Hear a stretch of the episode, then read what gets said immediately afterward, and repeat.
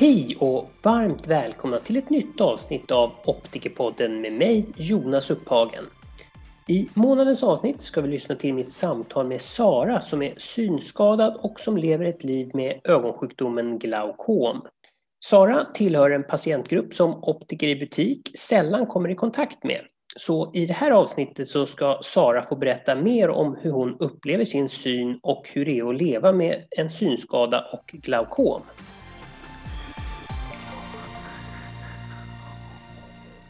Hej Sara och välkommen till Optikerpodden. Tack så mycket. Ja, vi kan väl börja med att du bara kort eh, berättar lite om dig själv, vem du är, så att lyssnarna vet vem jag pratar med. Ja, eh, mitt namn är då Sara och jag är 25 år och bor i Malmö. Jag går min eh, sista termin på eh, en utbildning på universitetet här där jag får en examen i handikapp och rehabiliteringsvetenskap. Så eh, det är det jag gör mest nu om dagarna, det är mycket plugg. ja, nu i coronatider, hur, hur är det med corona nere i Malmö?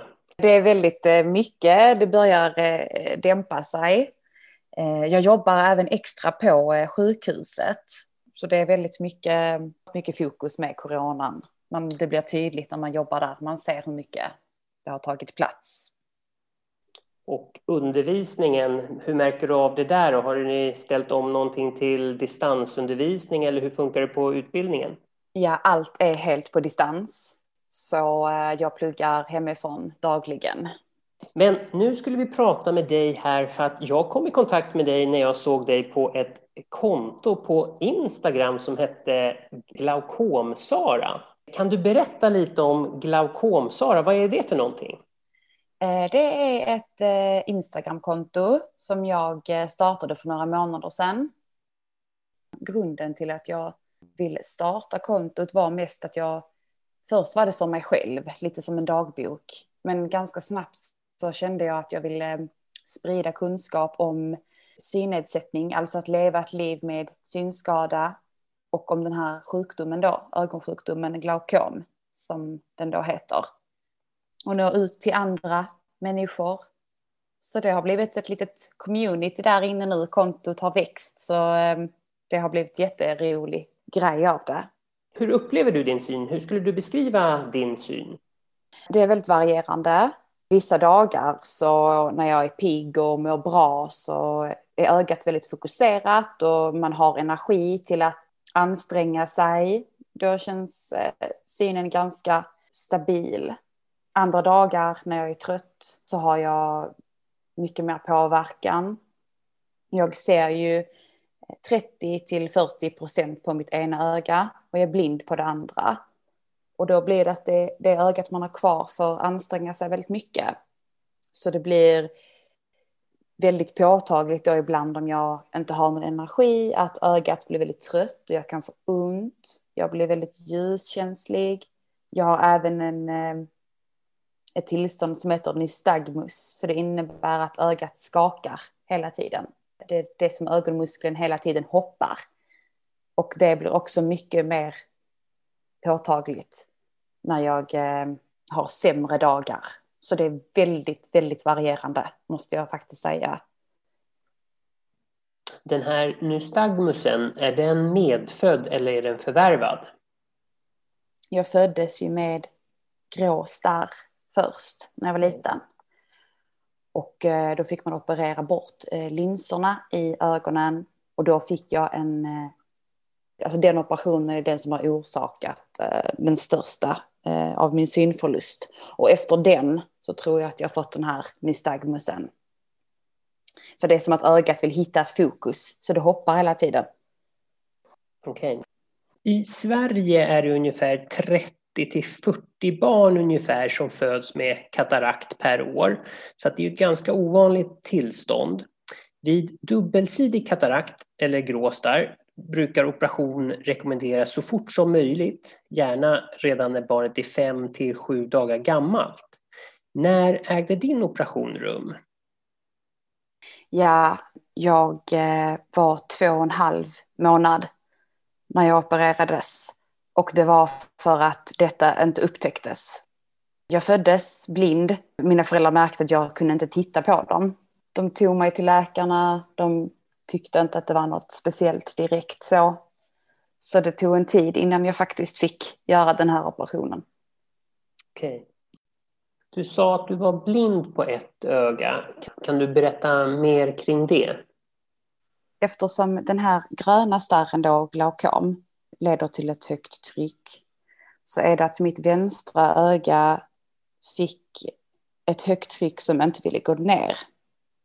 Så jag hade högt tryck väldigt länge och man försökte operera och behandla det här höga trycket. Men efter ett tag så blev det ju att ögat blev förstört. Så eh, jag fick extrema smärtor och skador och blev typ helt blind. Och dessa skadorna resulterade i att man fick ta bort ögat. Så att mitt vänstra öga är en protes. Och då innebär det att jag inte ser någonting alls på det ögat. Hur gammal är du när det här hände? Då var jag 15. Jag gick i nian. På våren så eh, började med att jag fick som stickningar i ögat. Och på en kontroll så såg man att jag hade högre tryck. Och man försökte väl fixa med lite droppar och, och eh, jag, eh, trycket gick inte ner. Och sen så eh, fick jag opereras. Och då eh, blev det en komplikation av den operationen som gjorde att ögat också liksom Eh, blev mer skadat och, och eh, blödningar och trycket ville liksom inte stabilisera sig. Och det var då som jag fick ta bort ögat på, det var augusti för, ja det är tio år sedan snart. Innan vi började spela in här så hade ju vi eh, video på så att vi kunde se varandra och där ser man ju inte att du har en protes utan man, ja, det ser ut som ett, ett helt normalt öga där. Båda ögonen rör sig trots allt. Vet du hur det fungerar? Ja, då är det så att eh, när man opererar bort ögat så behåller man musklerna bakom ögat. Och så eh, ersätter man det ögat man då tar bort ersätter man med en eh, liten, i mitt fall en liten silikonkula som blir som ett, ett öga då. Och sen när man sätter i protesen framför så gör musklerna att, eh, att det kan röra sig. För den här, eh, det blir som ett, ett riktigt öga, liksom. den här silikonkulan och musklerna bakom gör att den flyttar sig. Och då eh, så gör det att ögat får en viss rörelse. Så att eh, det är en silikonkula och sen så sätter man in protesen som en, en kontaktlins nästan. Bara sätter in den mellan ögonlocken, så den kan vara väldigt tunn. Den här silikonkulan, är, är det någonting som man eh, tar ut och rengör eller sitter den kvar hela tiden? Den sitter kvar hela tiden. Eh, den är inopererad och då är liksom ligger bakom vävnader kan man säga. Så att den är som ett, ett öga som finns. Hur ofta tar man ut en sån här protes då? Det kan vara väldigt olika. Men i mitt fall så jag tar ut det kanske bara var tredje månad. Tar jag ut den och bara tvättar den. Sen sätter jag tillbaka den. Eh, annars har jag den i dygnet runt alltid. Okej vad jag förstod på Instagram så gör man vissa uppdateringar av den här protesen då och då. Stämmer det? Ja, precis. Protesen efter många år så blir den ju sliten och eh, man åldras ju hela tiden så att ögonhålan förändras ju också hela tiden. Och då gör man avgjutningar på ögonhålan och gör nya proteser vid jämna mellanrum så att de ska sitta bra, så att det ska kännas bekvämt att använda den. Så att den ska få bästa möjliga rörlighet. Så det är det jag eh, håller på att göra nu, göra en ny protes. Okej, så att, ja, jag såg någonting på Instagram där. Det var mm. igår som du gjorde någonting med den här protesen. i och med att jag har en protes som, som jag tycker sitter väldigt bekvämt och den, den är bra, den passar, men jag har haft den i åtta år så att den börjar bli liksom sliten. Eh, då kan man göra en ny och då eh, gör protesmakaren så att de tar den protesen jag har och gör ett avtryck. Och eh, jag har en protes som är gjord av materialet eh, akryl. Om en vecka ungefär så ska jag tillbaka dit och eh, då eh, ska jag testa så den här eh, avgjutningen passar och blir korrekt. Och därefter så målar man den och eh, gör den så likt det andra ögat som det bara går. Hur funkar det där? Är det ett litet företag eller ett stort företag som jobbar med sånt här? Det finns ingen eh, speciell utbildning som eh, de här personerna går utan man lär mycket av varandra. Det är inte alls många som jobbar med det så att det är en väldigt liten bransch. Eh, och då förstår jag att de som jobbar med det har egna små mottagningar utspritt i landet och gör allting på plats, gör sina proteser själva.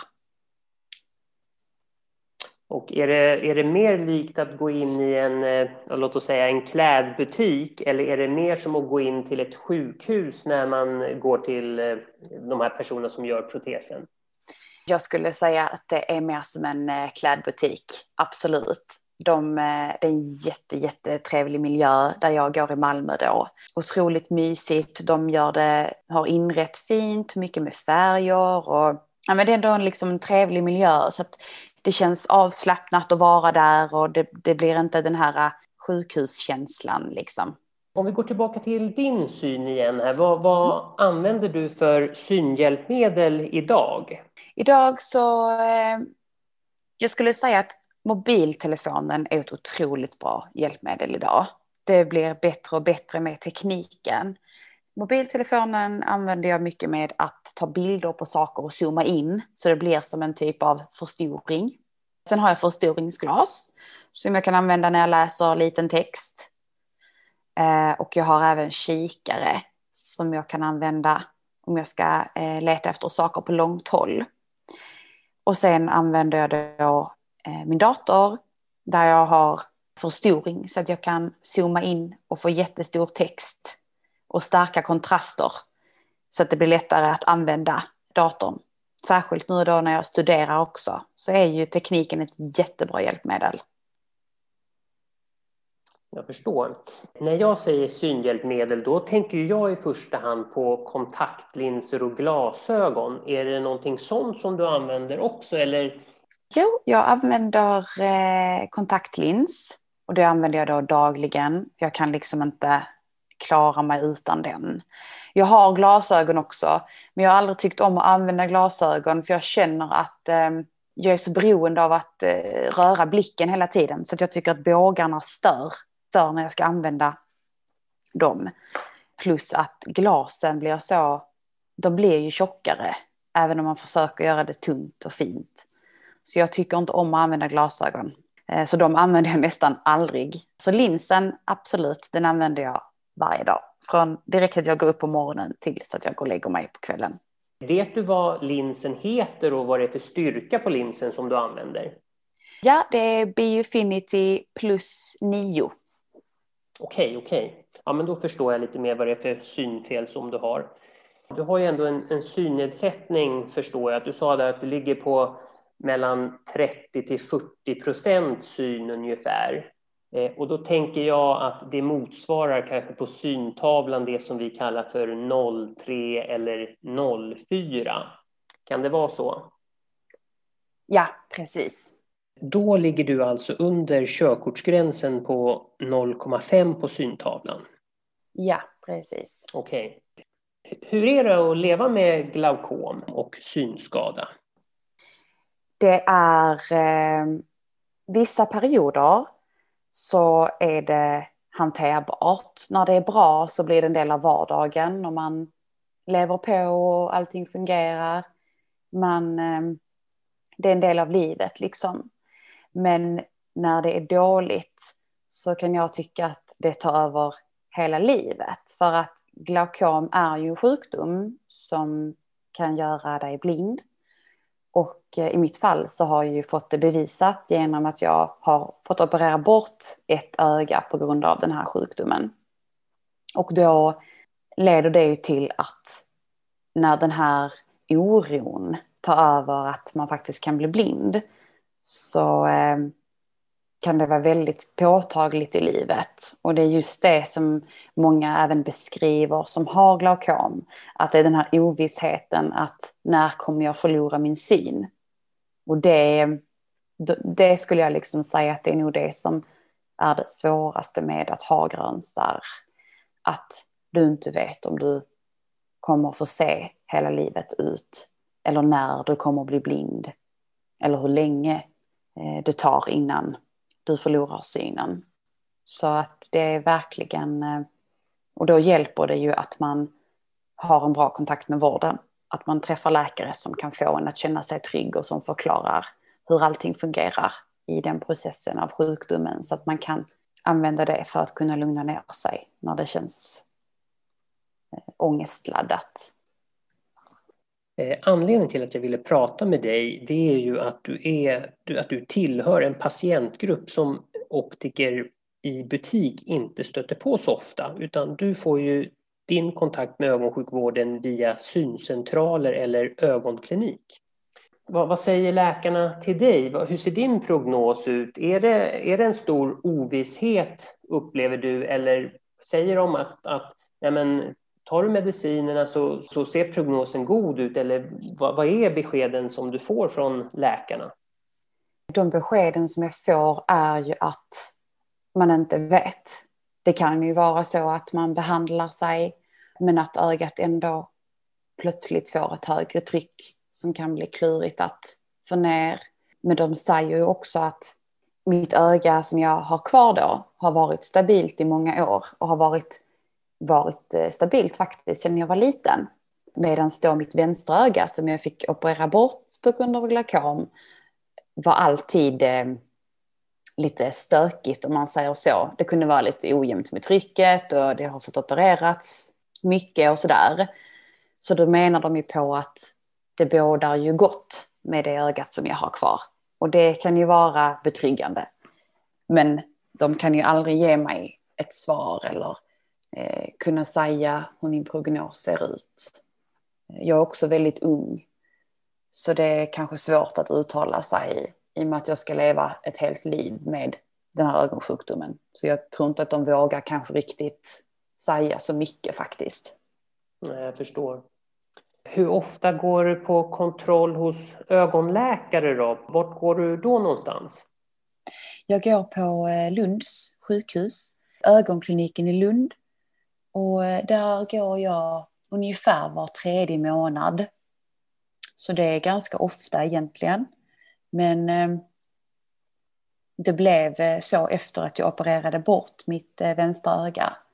Så kunde jag komma dit lite oftare för att kunna känna mig trygg och man har mer koll på det ögat jag har kvar. Så att det känns väldigt bra faktiskt att jag får den möjligheten att kunna gå var tredje månad och se så att allting står rätt till. Vad händer på de här kontrollerna? Vad är det de tittar på då på de här kontrollerna som sker var tredje månad? Ehm, jag brukar eh, göra, undersöka synen. Eh, och det är en vanlig synkontroll där jag tittar på en tavla med bokstäver. Var, varannan gång så brukar jag göra en eh, synfältsundersökning då får jag sitta och titta in i en apparat med små prickar som flyger runt i synfältet och varje gång jag ser en prick så ska jag trycka på en knapp. Och då mäter man hur mitt synfält ser ut. För det är just också det här med glaukom att eh, synfältet kan krympa så att det sakta men säkert krymper om man förlorar syn utifrån in. Så att genom att undersöka mitt synfält så kan man också se om sjukdomen är stabil och om jag förlorar syn utåt. Och just nu så gör jag inte det. Så det är väldigt skönt. Så det håller man koll på. Sen så eh, lyser läkaren in i eh, ögat med en, eh, en stark lampa och tittar hur det ser ut inuti ögat så att allting ser bra ut. Och sen så mäter de trycket också varje gång. Och kollar så att jag har ett bra tryck. Så, och ibland tar man även bilder. Det är en speciell kamera, jag vet inte vad den heter. Men då fotar man också in i ögat på synnerven och ser så att den också håller sig fin. Eh, för det är också den som påverkas av den gröna starren. Så då fotar man den också och ser hur det ser ut. Så det är lite olika moment man gör för att ha koll helt enkelt. Det där känner jag igen. Ja. Eh, ögonbottenkamera brukar det kallas, eller, Ja, fund, eh, eller, eller funduskamera. Fundus är ett annat ord för ögonbotten. Mm, mm. Eh, och och jag, jag känner ju igen mycket av, av det du berättar.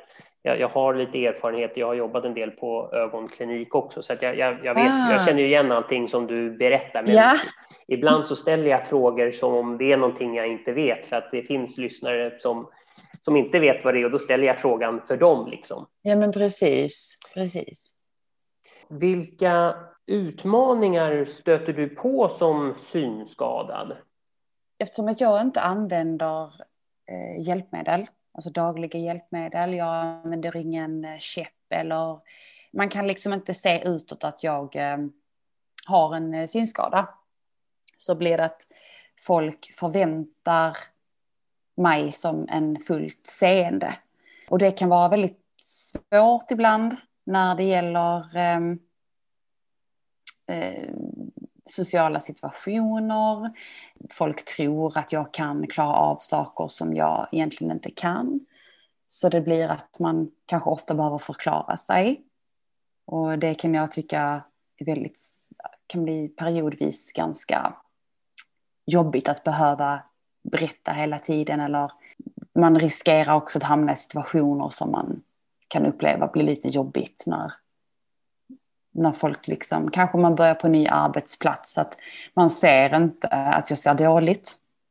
Och det är lite så, ja, när ska man berätta och hur ska man berätta och sådär. Och eh, sen så är det just nu, tänker jag också på när det är corona, pandemin att hela samhället har förändrats med tillgängligheten. Och för mig som synskadad så tycker jag att mycket har blivit sämre med markeringar och skyltar och avspärrningar som man inte kan se. Och eh, det gör att man känner sig mycket mer handikappad faktiskt. Så det är nog faktiskt, det skulle jag nog säga är den största utmaningen, just det här med hur samhället har förändrats i corona med tillgängligheten, att ta sig runt. Jag förstår. Skulle du kunna ge något exempel på någon situation som blir tokig för att du inte ser som andra? Ja, det kan vara om jag ska återgå till hur det är just nu i samhället för med eh, coronaläget så kan det vara jättesvårt för mig att eh, bedöma kanske avstånd. Jag eh, åker ju buss till exempel. Jag eh, kan göra det. Eller jag klarar liksom av att åka buss. Och då är det ju jättemycket när man går på och man går av och man ska, ska inte stå för nära. Du kanske ska gå förbi människor. Och att då inte kunna känna att man riktigt klarar av att veta om man beter sig på rätt sätt just för att man inte ser. Det kan vara väldigt svårt. Och hade jag då till exempel haft en käpp eller någon annan typ av markering så hade ju andra människor kanske kunnat förstå varför jag går in i dem eller råkar stå för nära eller så. Och det har ju inte jag. Så det kan ju bli att man får en suck efter sig eller att någon liksom verkar bli irriterad för att jag kommer för nära. Det kan vara ett exempel som, som kan vara påtagligt. Ja, men det förstår jag ju absolut. Har du något annat exempel från, eh, om, om vi tänker tillbaka innan pandemin? Det kan vara till exempel eh, vardagliga saker som att om jag, ska, om jag är på ett nytt ställe så eh, kan det vara, hittar inte jag. Det, så det kan vara väldigt svårt att hitta. Jag vet inte var toaletten är, jag vet inte hur det ser ut i lokalerna. Ibland är det kanske massa trappsteg, det kanske är mörkt. Då blir man väldigt mycket beroende av andra. Och eh, då kan det till exempel vara om eh, man börjar umgås med nya människor eller kommer in i ett nytt umgänge eller börjar på en arbetsplats där man inte har en trygg person bredvid sig så blir man väldigt utblottad på något sätt. Man eh, behöver ha någon med sig men man vill heller inte kanske be en helt ny arbetskollega att följa mig till toaletten eller visa eh, var jag ska gå och betala eller läsa vad det står på skyltar. Eh, och då är det, det kan vara väldigt liksom svårt ibland, kan jag tycka. Så jag föredrar ju helst att vara på ställen där jag har varit tidigare för att man lägger på minnet hur allting ser ut. Och då kan jag klara mig själv hur bra som helst när jag vet hur lokalerna ser ut. Det blir en sån stor skillnad i hur pass självständig jag kan vara då. Med, med den här synen på 0304 som du beskrev, går du till optiker på stan eller går du till syncentralen? Ja, jag får dem via syncentralen. Så jag går eh, en gång i halvåret och kollar synen. Och eh, ser så att linsen sitter bra, att den passar och att jag är bekväm med den och sådär. Och eh, om det ser bra ut så skickar de hem linser till mig för ett halvår. Och så gör jag så hela tiden. Det fungerar jättebra. Ja, vad skönt. Men sen tar ju du en del mediciner också förmodar jag för ditt andra öga som, som har glaukom. Ja, precis. Hur många mediciner rör det sig om? Just nu för tillfället så tar jag fem stycken ögondroppar. Då är det tre ögondroppar för att sänka trycket i ögat så att det håller sig stabilt. Och de andra två ögondropparna är eh, mot pollenallergi. För att om jag inte tar droppar mot pollen så får jag jättestarka reaktioner i båda ögonen faktiskt. Även ögat eh, som är bortopererat där jag har en protes. Och eh, eftersom att mina ögon är känsliga på sitt sätt så leder det att jag inte kan använda min kontaktlins om jag har för mycket pollen. Och då kan jag ju heller inte leva mitt liv så som jag vill. Så att därför tar jag dem dagligen också och har börjat med dem i god tid så att jag inte ska få någon allergi som besvärar mig. Någonting man glömmer bort är ju att en del patienter får ju väldiga besvär av bieffekter med de här trycksänkande medicinerna. Är det någonting som du har märkt av någonting utav? Nej, jag har faktiskt inte det. Eh, jag har haft en väldigt tur. Jag har under mina år haft många ögonloppar och ehm, jag har aldrig haft någon biverkning av dessa. Så jag måste säga att jag har faktiskt haft en väldig tur. Ja, men vad skönt, vad skönt att höra. Ja. Yes, men eh, då tycker jag att jag har fått, eh, ja, då har jag fått svar på de frågor som jag hade. Om det inte är så att det är någonting som du vill lyfta fram. Nej, men jag, jag tror att det fått med det mesta, så jag har försökt i alla fall. Ja, nej men som sagt, jag har lärt mig ett och annat med, genom att prata med dig här och få lite mer förståelse hur, hur det kan vara med, med de som drabbas av glaukom och andra ögonsjukdomar och de som inte kommer till optiken i butik utan de som hamnar på andra ställen inom ögonsjukvården. Men då säger jag bara tack Sara för att du tog dig tid att prata med mig i Optikerpodden. Ja men tack själv, det var jätteroligt. Då tackar jag igen Sara för att hon tog sig tid att prata med mig i Optikerpodden. Och tack till alla lyssnare som valt att lyssna och jag hoppas att ni liksom jag har lärt er någonting nytt. Och börja gärna prenumerera på podden och hjälp gärna till att sprida podden vidare. Och vill ni verkligen göra en insats så är det verkligen uppskattat och välkommet att skriva en recension eller lämna ett betyg på Optikerpodden där det är möjligt. Sist men inte minst, Tack till min samarbetspartner Optikerförbundet som hjälper till i skapandet av Optikerpodden. Vi hörs!